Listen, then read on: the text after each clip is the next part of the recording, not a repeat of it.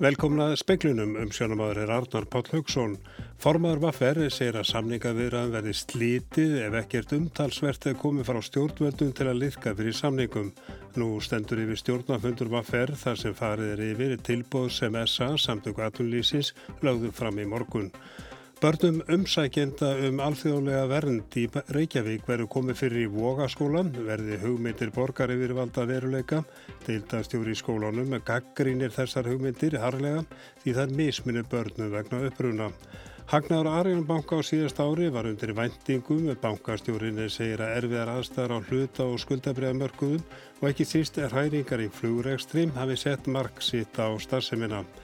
Bæjarstöld Kópavóks hefur ákveðið að lækka laun bæjarfutrúa um 15%. Ísland stendur öðrum Norðurlöndum að baki í fæðingarorlófslaugjöf og réttindum foreldra í fæðingarorlofi, þetta segir dósend í félagsfæði. Ragnar Þór Ingólfsson formar Vafferi segir að einhvað umtalsvert verða að koma frá stjórnveldum til að liðka fyrir kjara samningum, annars verði kjara viðraðum slítið. Ragnar Þór sagði þetta í samtali við speilin, er rétt að orðina stjórnafundur Vafferi hóst nú klukkan hálf sex. Þar verður tilbúð sem samtöku atvinnlýfsins lögðu fram í morgun er rætt. Ekki hefur upplýst hvað það felur í sér. Félögin sem hafa vísa deilin til sáttasemjara ætla að bera saman bækur sínar á morgun og að förstu dag verður tilbúðinu svarað. Búist hefur verið við yfirlýsingu frá stjórnveldum á mánudag um hvað þau eru tilbúin að gera. Valgir Örn Ragnarsson fréttamaður talaði við Ragnar Þóri í dag eftir samningafundi með þessa þar sem tilbúðu var lagt fram. En það liggur alveg fyrir og það er alveg ljósta aðkoma stjórnvalda þarf að vera umtalsverð ef að þessi kjaradeila á að leysast en e, það er alveg ljóst mál að það er komið ákveðin augurstundu í þessu viðræðum og hérna, ég held að við komustum ekki mikið lengra með þetta eh, á þess að vita hver aðkomu stjórnvalda verður. Þannig að þá ertu raunin að segja að þessi tilbóði sé þá sjálf hafna þar til að þú farið að sjá meira frá stjórnvaldum? Ef ekki að segja að það frekar að, að, eh, að tilbóð sem kom í dag er þess virði að skoða við munum fara vel yfir þetta og svara því efnislega á fyrstu dag en það er alveg ljóst og hefur verið alveg ljóst eh, frá rauninni upphafi eh, frá því að kröfugerðin var sett fram að aðkoma stjórnvalda þýrt að verða um, umtalsverð. Og þá erum við að tala um ákveðna kerrisbreytingar í vakst- og verðtryggingamálum, við erum að tala um skattkerrisbreytingar og átak í húsnæðismálum, málefni tengjast uh, sérregnarsparnaði og greiðslun og fastegnarlán og, upp, og uppsöfnum fyrir fyrstu íbúðakaupendur og svo framvegis þannig að, þannig að uh, það hefur alltaf leið fyrir að aðkoma stjórnvalda þarf að vera umtalsverð og, og, og það er bara likku fyrir að hún þarf að vera það ef þetta á að leysast. Þetta var Ragnar Þór Ingólfsson. Hugmyndum með borgari verið valda um að opna sérstakar stóðdeild fyrir börn flóttafólks um sækjendum alþjóðlega vernd og í einhverjum tilvikum inflindinda í Vogaskóli Reykjavík er gaggrínda harlega af Helgu Helga dóttur deildastjóri í skólanum. Verið síðan ísmuna börnum eftir uppruna. Áallega er að deildin verið fyrir börn frá þriðja upp í tíunda bekk og þau verði í deildinni í mestalagi í nýju mánuði áður en þau hefja nám í heimaskóla. Helgi Grímsson er fórstuðum að skóla og frístundasviðs hjá Reykjavíkuborg. Það er aðladrið að við getum veitt þeim þessa næringu og skjól sem að þessu hópu þarf að halda og ef við erum dreift í marga skóla að þá getur við að við höfum ekki það fagfólk og þá umgjöld sem að þau þurfa á að halda og ég tel að þeim sé enginn sérstaklega greiðu gerður um þetta að vera bara í, almennu bekk með þennan veika og brotna bakgrunn. Ef ég tala bara út frá mér að þá finnst mér þetta í algjöru mótsögn og í algjöru anstöfu allt það sem við gerum hér og ég get ekki betur séð en að þetta sé hreinlega lögbrot. Þannig að það sem kemur fram í lögumungurum skóla og í aðalnámskrá og í barnasáttmálum sem er bara lögbundin og lögfestur síðan 2013 að þá er þetta bara ólálegt. Þetta var Helga, Helga Dóttur í samtali við Jóhann Bjarnar Kolbensson áður var rætt við Helga Grímsson og nána verið fjallaði málið í sjóansfréttum klukka 19. Stjórnir samtaka ferðarþjónusnar hafa ákveð að vísa bílalegunni prókar úr samtökunum. Fréttaskýringaþátturinn Kveikur fjallaði gærum það að bílalegan hafi átt við kilometrastöða á bílalegubílum áður en þeir voru seldir á almennu markaði.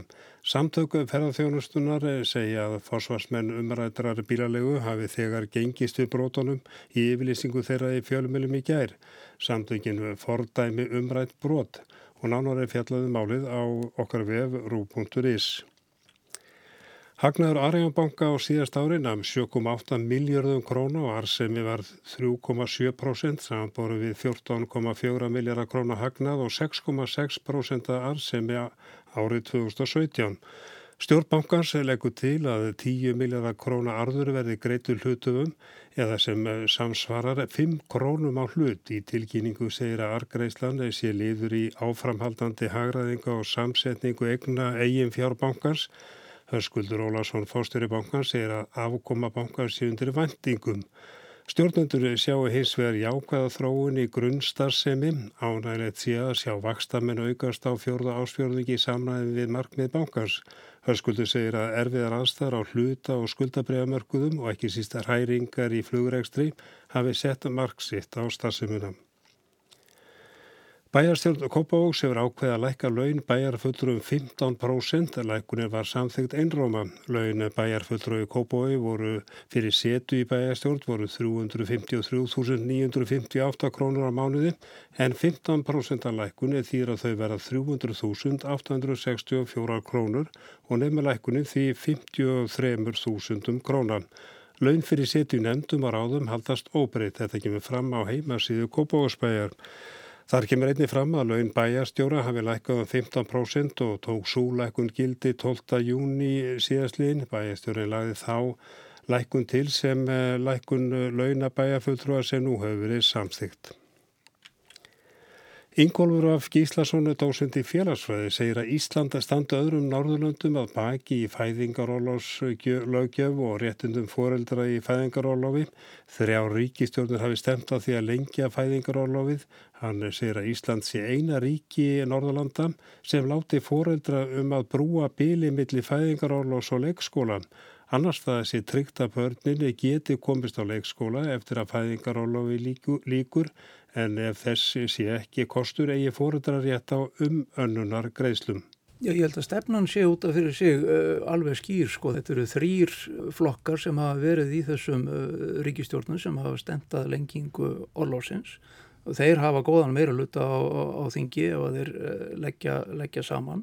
Það er líka ljóst að sko sveitarfélagin er að búa sig undir það að hérna, bjóða upp á leikskóla frá því að batni er hérna, einsás þannig að lengingin yrði upp í tólmánuði og síðan koma sveitafélagin á móti með úræði þegar barniður árið eins og þá búið að leysa þetta og, og, og þetta er í skýslum og þetta er í áleitunum og dittin og, dittin og datin. Það vanta bara að taka skrefið og gera eitthvað með þetta. Þetta var Ingólf af Gíslason í samfélaginu á rásveit í dag og hægt er að hlusta á allt vitalið á rú.is. Yfirkjörstjórn í Tælandi hefur farið þess að leit við stjórnlaga dómstólansins að stjórnmálaflokkurinn Thai Raksa Kart verði leistur upp. Kjörstjórn segir að flokkurinn hafi brotið lög með því að útnefna Bóla Ratana prinsessu sem forsættist ráð þeirra efni. Fórustumenn flokksins tilkynntu í síðustu viku að Ubolratana prinsessa, sestir konungsins í Tælandi, er því fórsættisráð þeirra efni í þínkostningum sem frammega fara 24. mars. Kjörstjórn hafnaði frambóði hennar en áður hafði konungurinn bróður hennar líst frambóð hennar óvið eigandi. Þetta hefði verið í fyrsta skipti sem einhverju konungsfjölskyldunni í Tælandi tekki beinan þátt í stjórnmálum. Það þótti auk þessi að stakta að hún var í frambóði fyrir flokk sem tengdi sískinunum taksin og jenglug sína vatra fyrirverandi fósætisráþurinn Tælans sem báðum var stifta stóli en þau njóta ekki mikill að vinsalda meðal konungsinna í Tælandi. Taksin var settur af árið 2006 en jenglug 2014. Síðan hefur herfóringastjórn farið með völdin í Tælandi. Fylgismenn taksins og Jenglokk stopnuðu flokkin Tæraksa tjart fyrir tíu árum en hann er eins konar stuðningsflokku við Fú Tæ sem einnig er tengdur taksin. Kristján Róper Kristjánsson saði frá.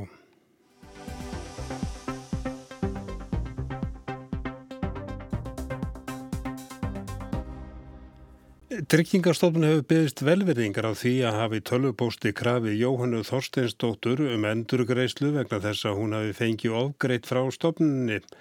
Það var vegna máls hennar sem nú stendur til að endurgreiða öryrkjum rúmlega 2 miljardar króna að minnstakosti fjögur ár aftur í tíman. Allt bendi til þess að Jóhanna eigi inni hjá stopninni en sé alls ekki skuld við hana. Fjallað hefur verið mál Jóhannu í speiklinum. Saga hennar er í stuttumáli svo að hún flutti til Danmerkur 2005 þegar hún var 16 ára en veiktist og varð óvinnufær þegar hún var 18 ára. En það var sinjaði með orðurkubætur í Danmörku og ákvaða að flytja til Íslands 2010. Hún var hér heima metin með fulla örorku 2013 vegna þess að hún bjó í Danmörku í fimm ár var svo kallað búsetu hlutvall hennar metið 47% sem þýtt að hún átti er rétt á tæplega helmingsbótum. Hún óskaði til því að fá bætur tvö ár aftur í tíman sem var til þess að greiðslu hlutvallið fjell niður í 21%. Þannig eru reglunar um búsettu hlutvall þeirra sem hafa jafnbrand búið í öðru ES landi. Hún sættir sér ítla við þessa niðurstöðum og endaði með að fara með málsið til umbóðsmanns alþingis. Hann komst í niðurstöðu í júni í fyrra að reiknireglu tryggingarstofnar ættu ekki stóði lögum nýja almanna tryggingarreglu gerð Európusambansins. Félagsmálaráðunitin hefur komist þeirri niðurstuð að endur greiða eigi öryrkjum með skert búsettur hlutvall vegna búsett í öðrum ES löndum. Vegna regla um fyrningu munið þær ná fjögur ára aftur í tímar og gætu numið rúmum tveimur miljardum króna. Í tilkynningu frá tryggingarstofnun skömmu eftir áramót saða stemt vera því að það niðurstaða lægi fyrir í lók januar og að í framhaldinu þið byrjað að vinna hvert mál fyrir sig. Jóhanna Þorsteinstóttir sem er búsett í Danmörku sendi tryggingarstofnun fyrirspurni síðustu viku og vildi fá að vita hvað málunni liði í ljósi þess að kynna hefði átt niðurstöðu í januar. Hún fekk það svar að veri var að vinna í málunum, niðursta væri ekki komin því máli væri umfangsmikið. Allir hlutað eigandi fengju bref þegar niðurstaðalagi fyrir. Jóhanna ítrekkaði fyrir spurn sína og vildi fá skýringar á töfinni á afgreyslu málsins. Nú var í liði rúmt halvt ár frá niðurstöðu umbósmanns alþingis. Í svari tryggingarstofnar kom fram að enn væri verið að vinna í því hvernig framkvæmdin yrði vegna úrskurðar umbósmannsins. Hún yrði látið vita ef þetta mál ætti við um hana. Klikt var út með því að kröfur væri á hana frá fyrra ári vegna þess að hún hefði fengið ofgreitt frá tryggingastofn og því þyrti hún að endurgreiða stofninni. Jóhanna er ekki sátt við svar tryggingastofnar, hún skuldar vissulega eða skuldaði 150.000 krónur vegna þess að hún fór yfir tekjumörk sem stofnunin setur. Ég ætla að skilda vel að ef ég hef haft þannig tekjur sem að hafa farið yfir mörk uh, með við tryggingarstofnur um hvað öryrkjar með að fjena þá sjálfsögðu geta þær alveg rukka með um það en mér finnst ósangjant að þeir reyna að rukka með um það áður en að það er yfir hugkomið í máli með, með bósætturljótvöldið en þetta gáttur uh, uh, afgreitt þannan útreikning gáttur afgreitt á einan við sólaring Jóhannu finnst það öfust nú eða hún sé krafin um endurgreislu þegar það stendur fyrir dýrum að stopnunin endurgreiði henni og allt bendi til þess að stofnunin, tryggingarstofnun, skuldi henni þegar málið hefur verið gert upp. Álið umbóðsmanns er út frá mínu máli sem, þannig að það er búið að gera nokkuð nákvæma greinagerð um hvernig mitt mál ætti að vera leist ásamt málum sem eru, hafa verið fyrirleist og sama hátt á mitt hefur verið. Þess vegna sé ég ekki hvaða er svona flókið við þetta mál.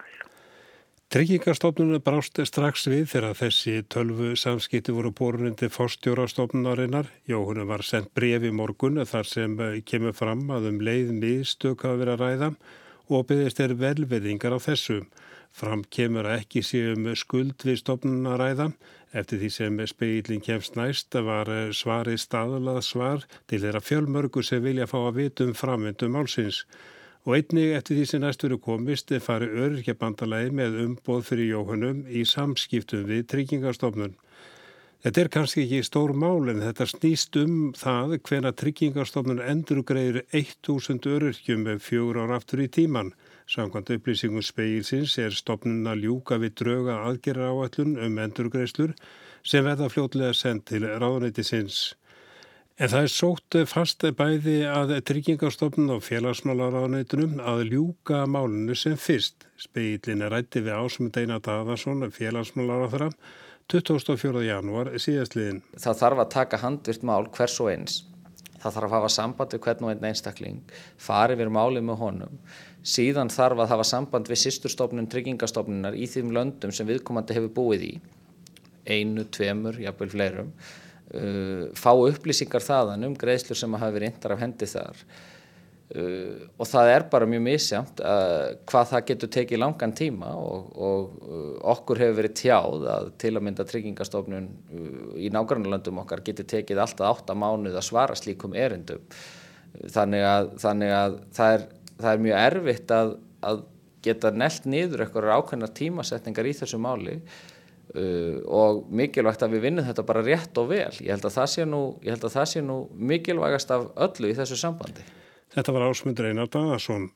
Það er alls ekki ljóstu hvenar þessir þúsund öryrkjar fá endur greitt því talsveit vinnaðir fyrir höndum að fara yfir mál hvers og eins. Tryggingastofnun hefur óskað eftir formlegum tilmælum frá ráðunitunum um hvernig staði verða framkvæmt leiritingarinnar.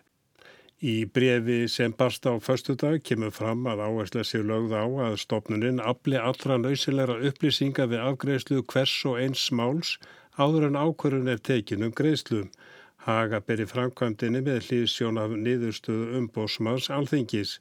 Það er bæði við um leiðrétingu á greiðslum aftur í tíman og ákvörðun í þeim málum sem býða af greiðslum. Jáfnframt kemur fram að þau fyrirmæli hafi borist frá fjárlaga nefnd alþingis og fjármálar áðuneytunum að greiðslur kom ekki framkvæmda fyrir en aflað hafi verið viðegandi fjárheimildan og fjallað hafi verið málið í ráþæra nefndum ríkis fjármál og í ríkistjórn.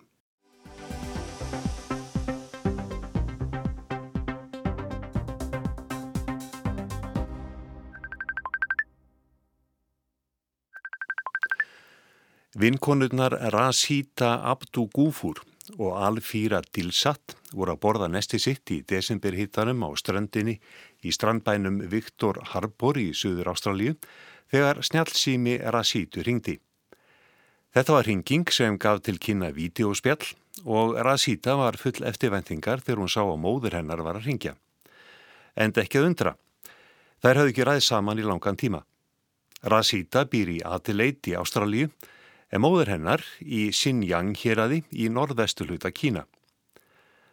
Rasita og móður hennar eru úígúrar sem er þjóð eða þjóðarbrott innan Kína, líkt og tíbetar. Langflestir búa þeir í Xinjiang héradi, gæti verið um 15 miljónir, en tölur er á reki. Þarfur utan búa samtals á um 400.000 úígúra í nágrannaríkjum eins og Kazakstan, Turkistan og Úsbekistan og viðsvegarum heim í Tyrklandi, Bandaríkjarum, Ástralíu og viðar.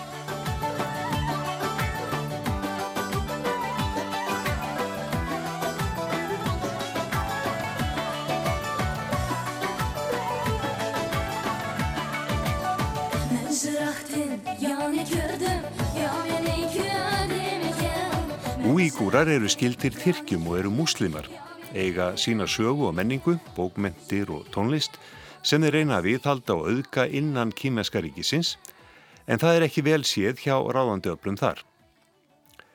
Þó að 15 miljónar manna þjóð þætti sæmilega fjölminn í Evrópu, álíka margir og danir, normenn og finnar samanlagt, þá eru úígúrar og skup fámennir í kínveska mannhafinu og fá að finna fyrir því.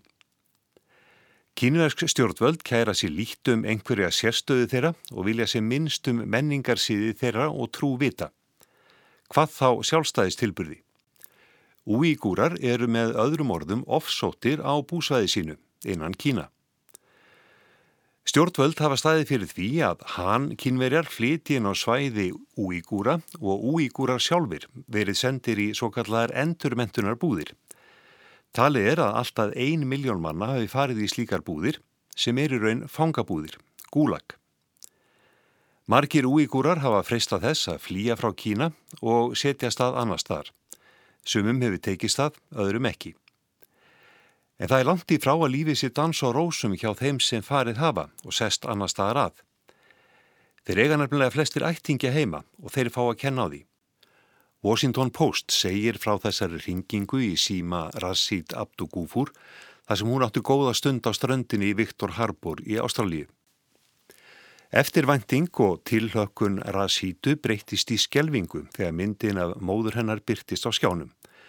Hún satt handjárnið á lauruglustöðu einhver staðar í Xinjiang. Lauruglan vildi fá upplýsingar frá Rasítu sem hún þorði ekki annað en að gefa af óta við hvað er þið gert við móður hennar. Þetta voru upplýsingar um hennar persónlegu hægi í útleiðin í Ástralíu og ekki síður um samlanda hennar í Adelaide en þar búum 170 fjölskyldur af úígurskum uppruna. Skömmu eftir yfirheysluna fekk hún stutt textaskílabóð frá móðu sinni. Þeir leiti ykkur uppi. Svo rofnaði sambandið og hún hefur ekki hirt í móðu sinni síðan.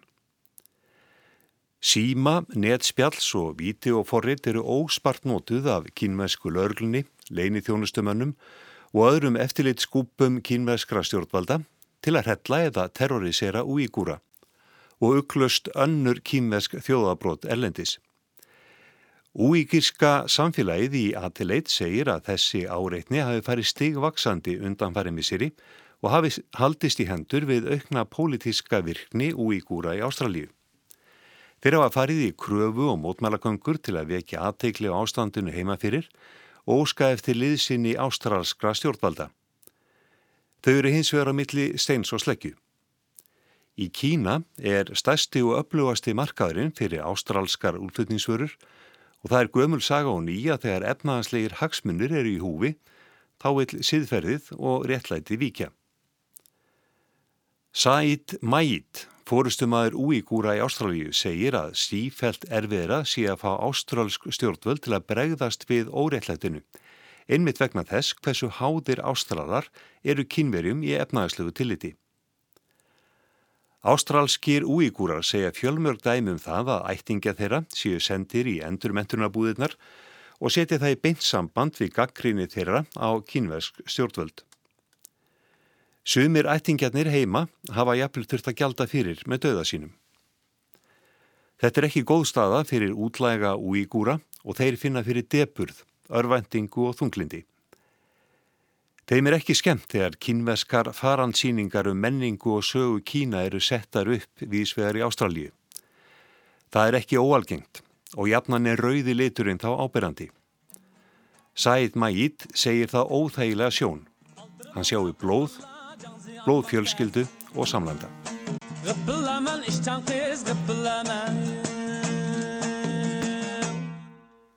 Og það var Kristján Sigur Jónsson sem sagði frá.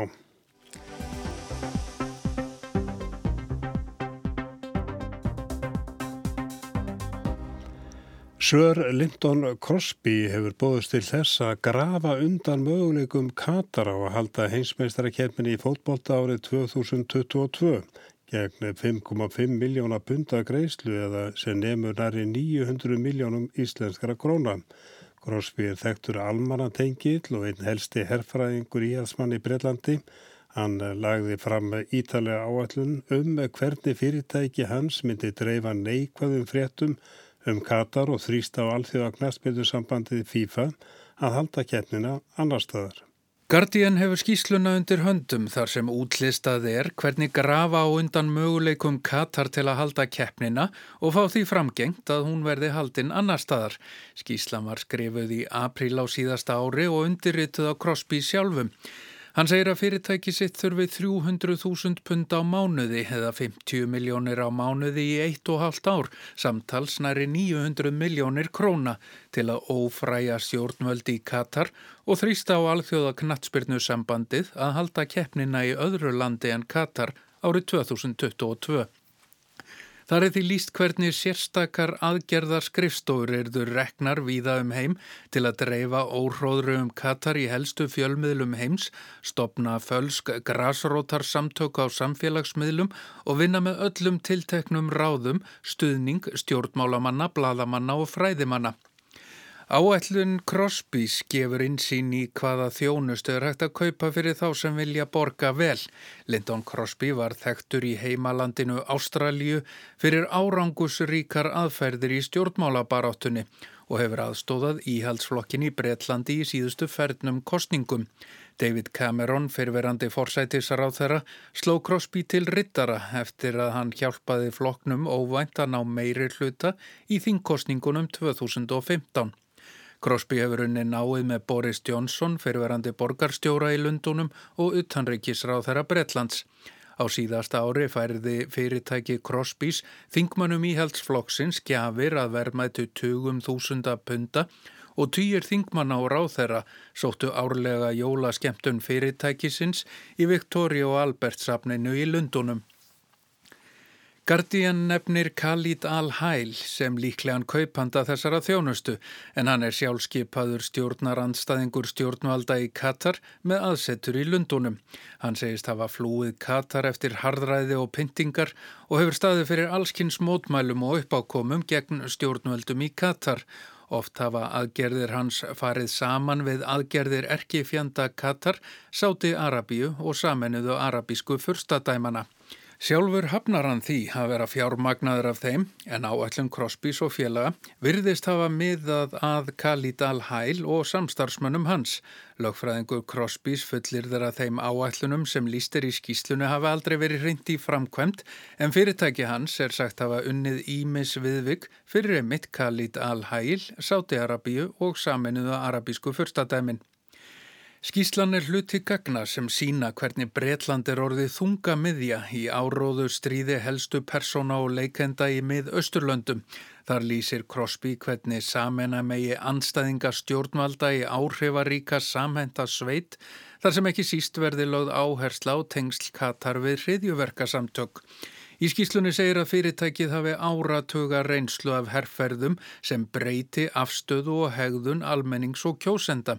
Reynslan síni að áhrifaríkar og faglegar herrferðir geti skilað verulegum árangri og skýsluhöfundar segjast þess fullvissir að hægt sé að þrýsta á alþjóða knatsbyrnussambandið með þeim hætti að Katar missir réttin til að halda heimsmeistrakefnin í fótbolta árið 2022. Í skýslunni er hernaðar áalluninni líst í smáatriðum. Skrifstofur verðir reknar í stæstu borgum heims, samfélagsmiðlar nýttir til hins ítrasta og ekki síður tengsl við áhrifamennum heim allan. Andstaðan við Katar verði saminuð í óvígan og samhendan herr. Árangur herrferðarinnar verði metin með sannanlegum og mælanlegum markmiðum. Hamrað verði á neikvæðum fréttum um Katar og öllum tilraunum þeirra til að baða sig í jákvæðu ljósi verði drekt með skipulöðu niðurrifi og neikvæðum tíðendum. Ákorðunin um að halda heimsmestramótið í knatsbyrnu í Katar hefur mætt mikilli andstöðu og gaggríni. Fullirt hefur verið að stjórnveldi í Katar hafi mútað stjórnarmönnum alþjóða knatsbyrnussambandsins og þannig tryggt sér keppnisréttin með ólögmætum hætti. Þá er Katar gaggrínt fyrir umfangsmikil mannrettindabrott, ekki síst gegn erlendum farandverkamönnum sem strita baki brotnu við að reysa þau mannvirki sem þarf til að halda HM í fótbolta í Katar árið 2022. Pálmi Jónasson sæði frá og við sögum frá því speiklunni í kvöld að stjórn samtaka ferðarþjónustunar hefur ákveðið að vísa bílalegunni prókar úr samtökunum með fréttaskýringa þátturinni kveikur fjallaði gerum það að bílalegan hafi átt við kilometrastöðu á bílalegubílum áður en þeir voru seldir á almennum markaðim. Samtök ferðarþjóðsuna að segja að fósvarsmenn umrætrar bílalegu hafi þegar gengist við brotónum í yfirlýsingum þeirra í fjölmjölum í gær. Samtökinn fordæmi umrætt brot. Formaði var ferri segir að samningaviðraðum verði slítið ef ekkert umtalsvert þegar komið frá stjórnveldum til að liðka fyrir samningum. Nú stendur yfir stjórnafundur var ferð þar sem farið er yfir tilbúð sem SA laði fram í morgun. Börnum, börnum umsækjenda um alþjóðlega vernd í Reykjavík verður komið fyrir í vogaskóla, verður hugmyndir borgari verðvalda að veruleika. Deildastjóri í skólanum með gaggrínir þessa hugmyndir harlega því það er misminu börnum vegna uppbruna þeirra. Hagnáður Arjánbanka á síðast ári var undir vendingum að bankastjórinni segir að erfiðar aðstæðar á hluta og skuldabrjáðamörkuðum og ekki sístir hæringar í flugræstri hafi sett marksitt á starfseminna og bæjarstjórnu Kópavóks hefur ákveðið að lækka laun bæjarfullrua um 15%. En það er ekki fleira í speklum við kvöldu, tæknamaður var Ragnar Gunnarsson, erðið sæl.